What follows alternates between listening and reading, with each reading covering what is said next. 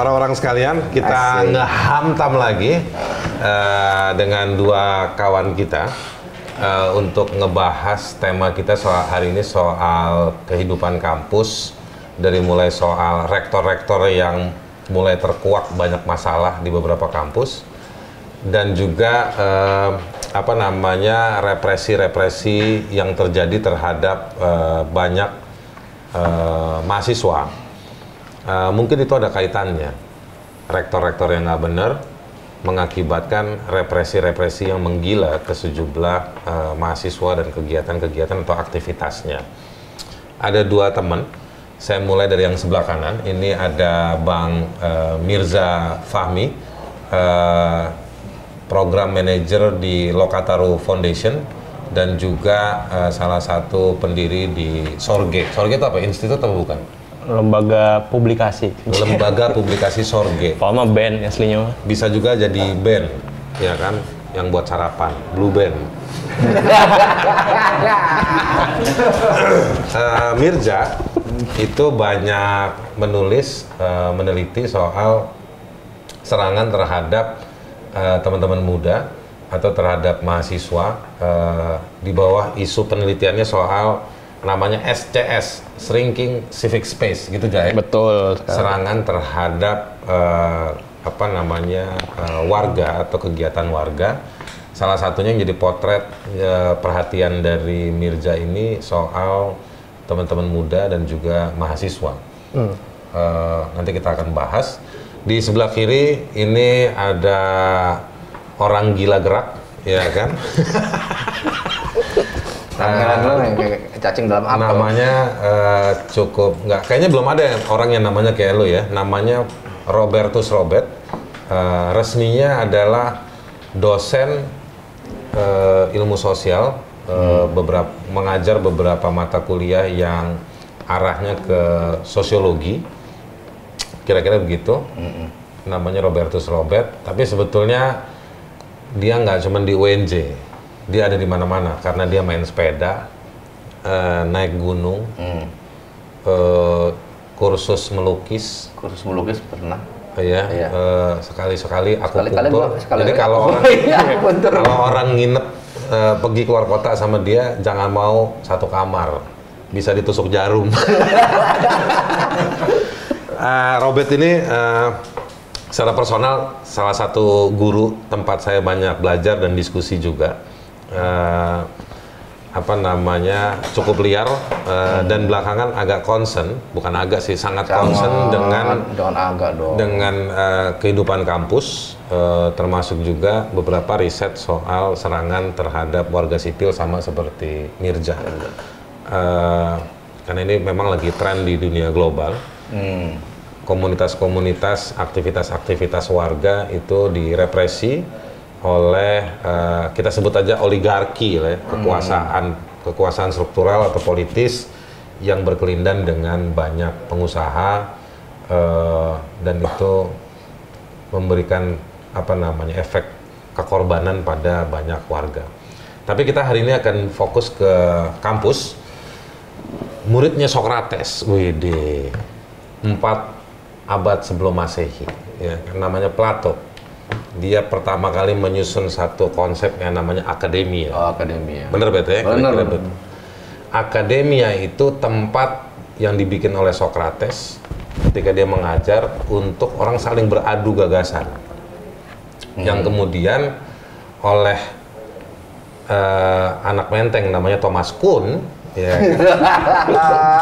dan juga anak kebayoran namanya Karl Popper dikembangkan menjadi teori falsifikasi dan eh, teori satu lagi eh, apa namanya bukan falsifikasi tetapi juga Yang mana? Kayak Teori scientific discovery-nya Thomas Kuhn itu. Ya, ah, jadi dua orang ini yang kemudian merumuskan metodologi ilmu sosial atau dipakai dalam ilmu sosial untuk saling membenarkan, menguji atau saling membantah, kira-kira begitu.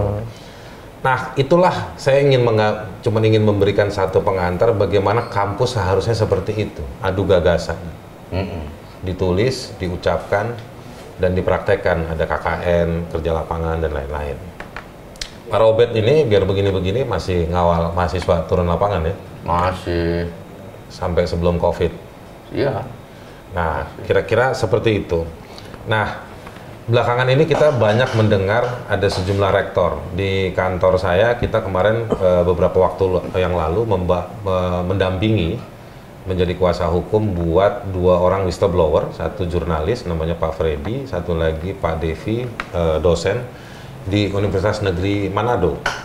Eh, kedua orang ini mengungkap bahwa eh, rektor pada waktu itu di kampus UNM tersebut yang bukan yang sekarang yang sebelumnya eh, Pauline itu terindikasi eh, ijazahnya eh, palsu.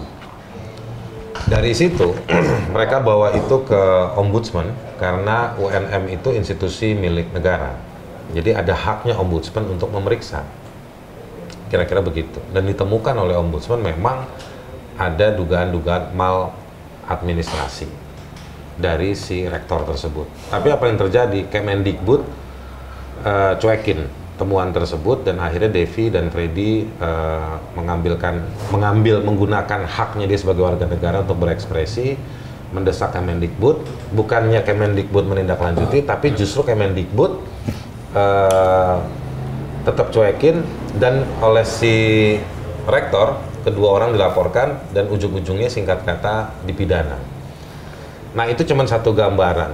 Belakangan muncul lagi rektor UNES, Bet ya, Mm, Unes. Oh, rektor UNES eh, yang eh, disertasinya, disertasi itu untuk S3 ya, Saya itu eh, plagiat.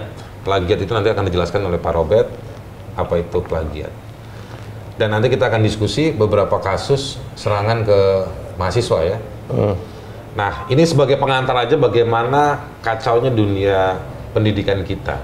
Dan ini su- sudah pasti banyak dosen-dosen, nggak cuma nggak cuma dosen yang muda, tapi dosen yang tua-tua, profesor-profesor itu juga resah dengan kehidupan kampus yang makin eh, tidak menunjukkan cita-cita. Saya tadi mengutipnya Plato, konsep akademia, tempat adu gagasan. Bet, lu mau mulai? Apa yang lu temukan dari sejumlah praktek rektor-rektor ini? Iya. Ya, Jadi kalau mungkin karena ditunjuk sama presiden, maka jadi politis atau bagaimana? Ya, jadi memang kalau saya lihat memang ada pola ini. Sudah artinya pola itu karena kasus serupa itu juga terjadi nggak cuma di satu dua kampus, Hmm. tapi kasus-kasus serupa di mana untuk sementara kita sebutlah ya eh, tuduhan dari link dari Civitas Akademia bahwa ada ada sejumlah rektor yang eh, apa eh, Menduduki dia posisinya. yang dia menduduki satu jabatan jabatan rektorat tapi dia sebelumnya gitu katakanlah gitu untuk keperluan-keperluan jabatan pangkat guru besar gitu itu mereka eh, menerbitkan satu karya ilmiah apa yang namanya di jurnal apakah namanya di untuk kepentingan disertasi yang tidak apa atau yang melanggar prinsip-prinsip kejujuran akademik. Hmm. Nah, itu itu Dulu, itu menarik.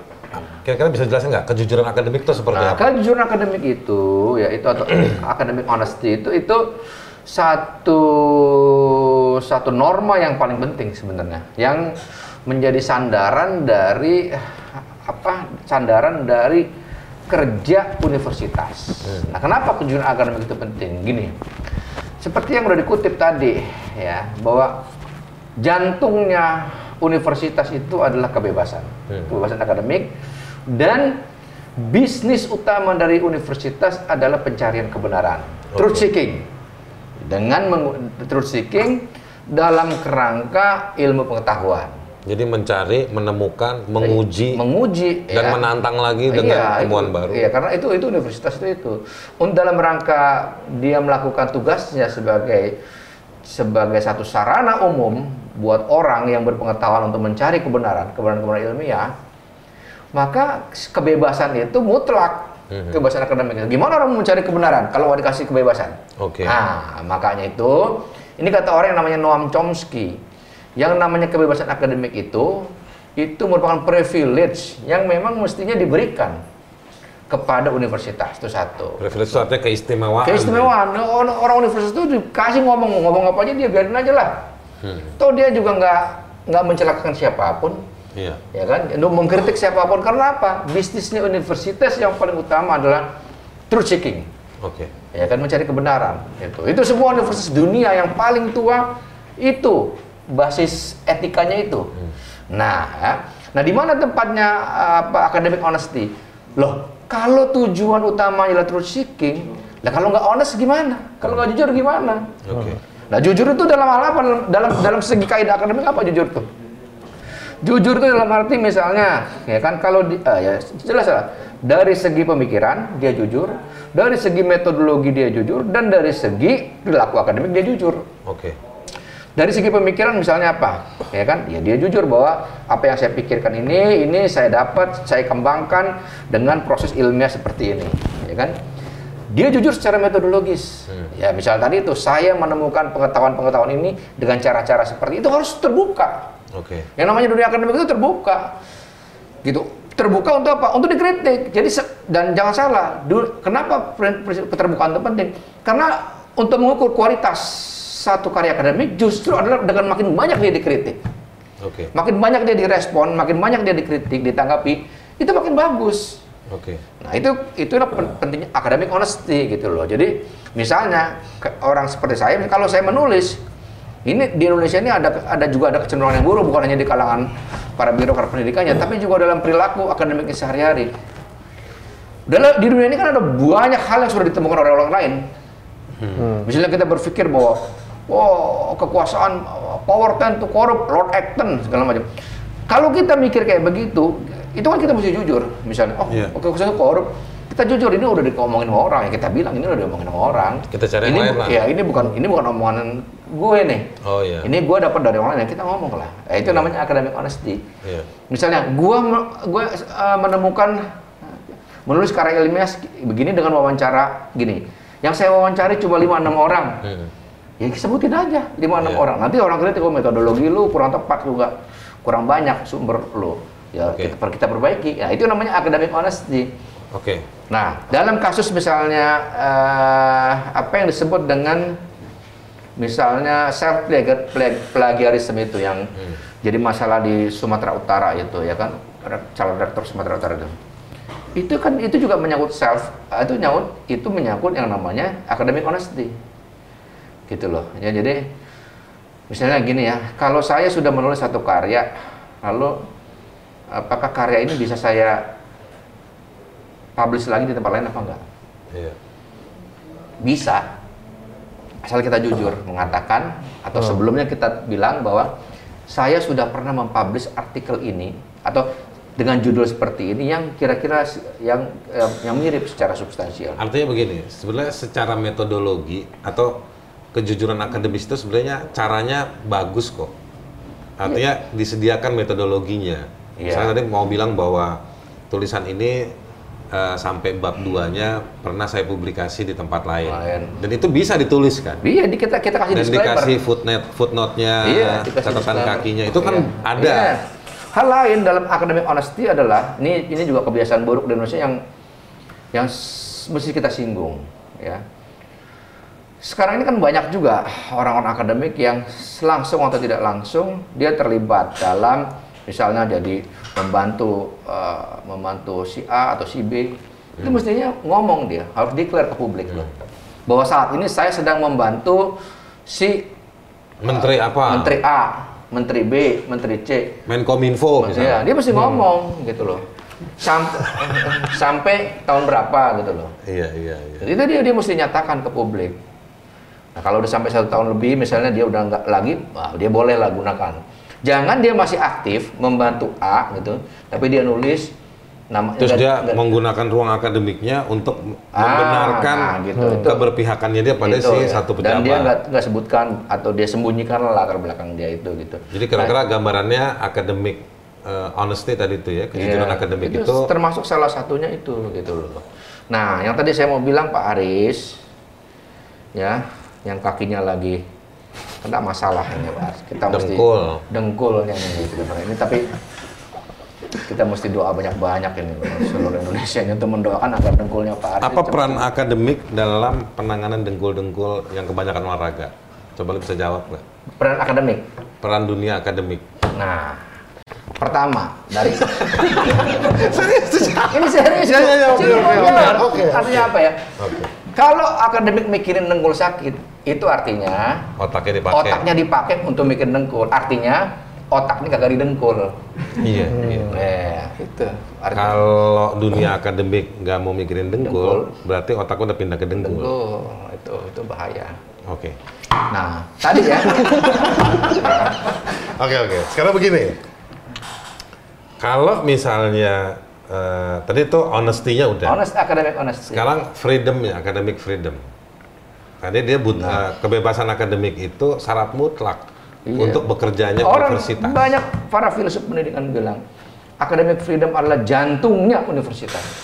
Oke. Jantungnya. Kalau academic freedom ditekan, sesek kehidupan akademik itu. Akan seperti apa kampus yang nggak ada nggak ada kebebasan? Kalau kampus yang ada kebebasan namanya bukan kampus, coy. Dia cuman ajar mengajar doang. Namanya Iya. lembaga kursus. Nah, Lembaga kursus. Namanya kursus, coy. bimbel. Ah, Tuh nih teman-teman sekalian ya. Jadi yang lulu pada yang masih kuliah, hmm. sekolah tinggi itu masuk universitas ya. Ah, sekolah tinggi. Institut. Kalau kampus lo nggak ada riset, ya, Nggak ada riset. nggak ada ruang buka perdebatan. Hmm. Kalau cuman kuliah-kuliah doang, Bukan kampus namanya. Dia sebetulnya lagi buang-buang waktu ikut program kursus mengu- mengursus aja ya. Kursus. Lo pernah dengar kampus Ulisa nggak, Bet? U- Ulisnya setir mobil ya. Iya. Mendingan dia ikut setir mobil. Iya. Iya kan? Oke oke. Sekarang kita balik ke topik lagi. Jadi academic freedom itu kan satu kebutuhan.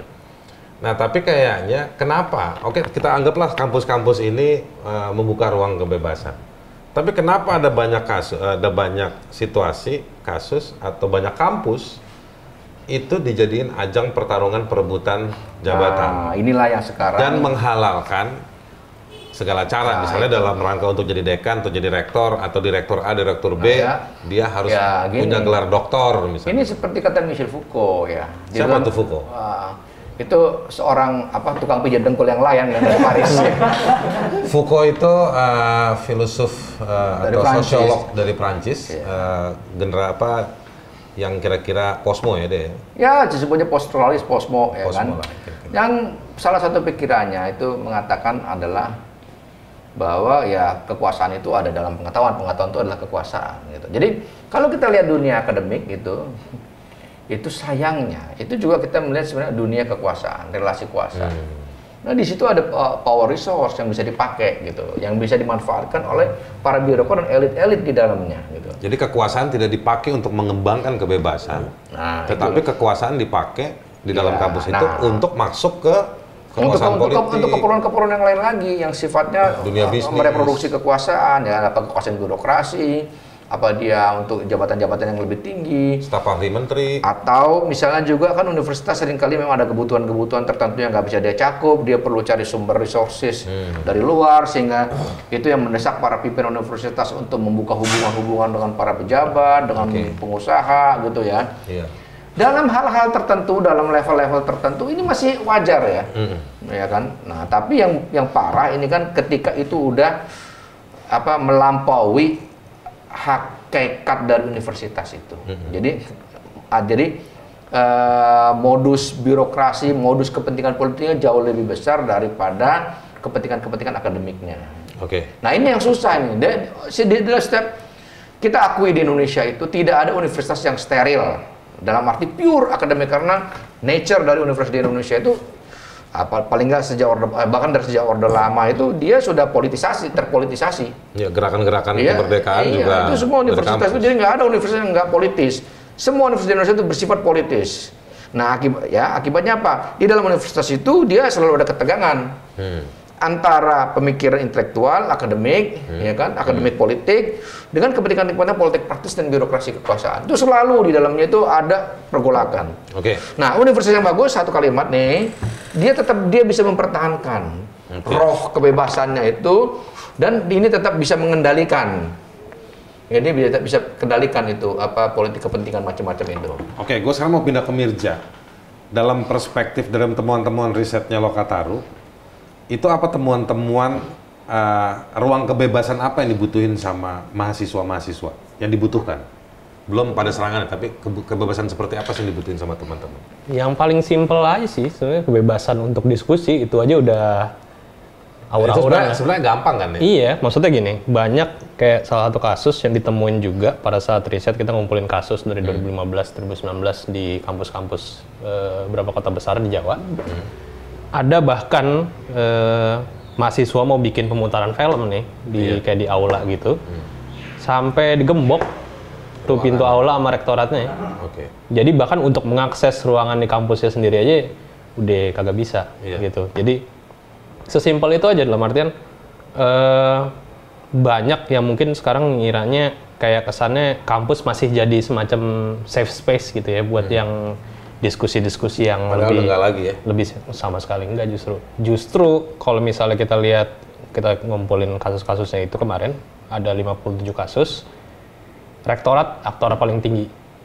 yang justru berperan untuk menghalangi Baru setelahnya ada ormas, baru setelahnya ada ini. Nah, buat teman-teman mahasiswa, kenapa itu jadi penting untuk membuka ruang untuk diskusi, putar film, ngundang tamu, narasumber?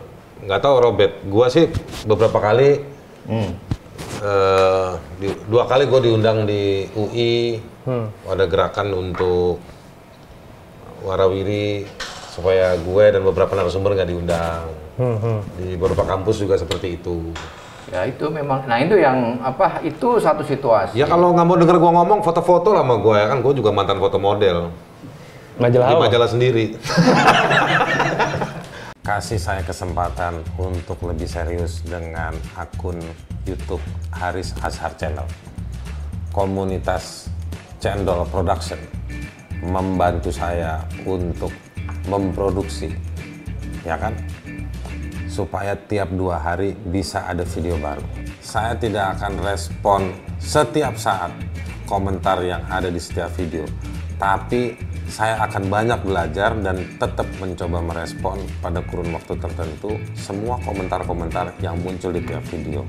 Jadi jangan takut untuk berkomentar karena itu milik kita untuk saling bertukar informasi dan saling mengapresiasi.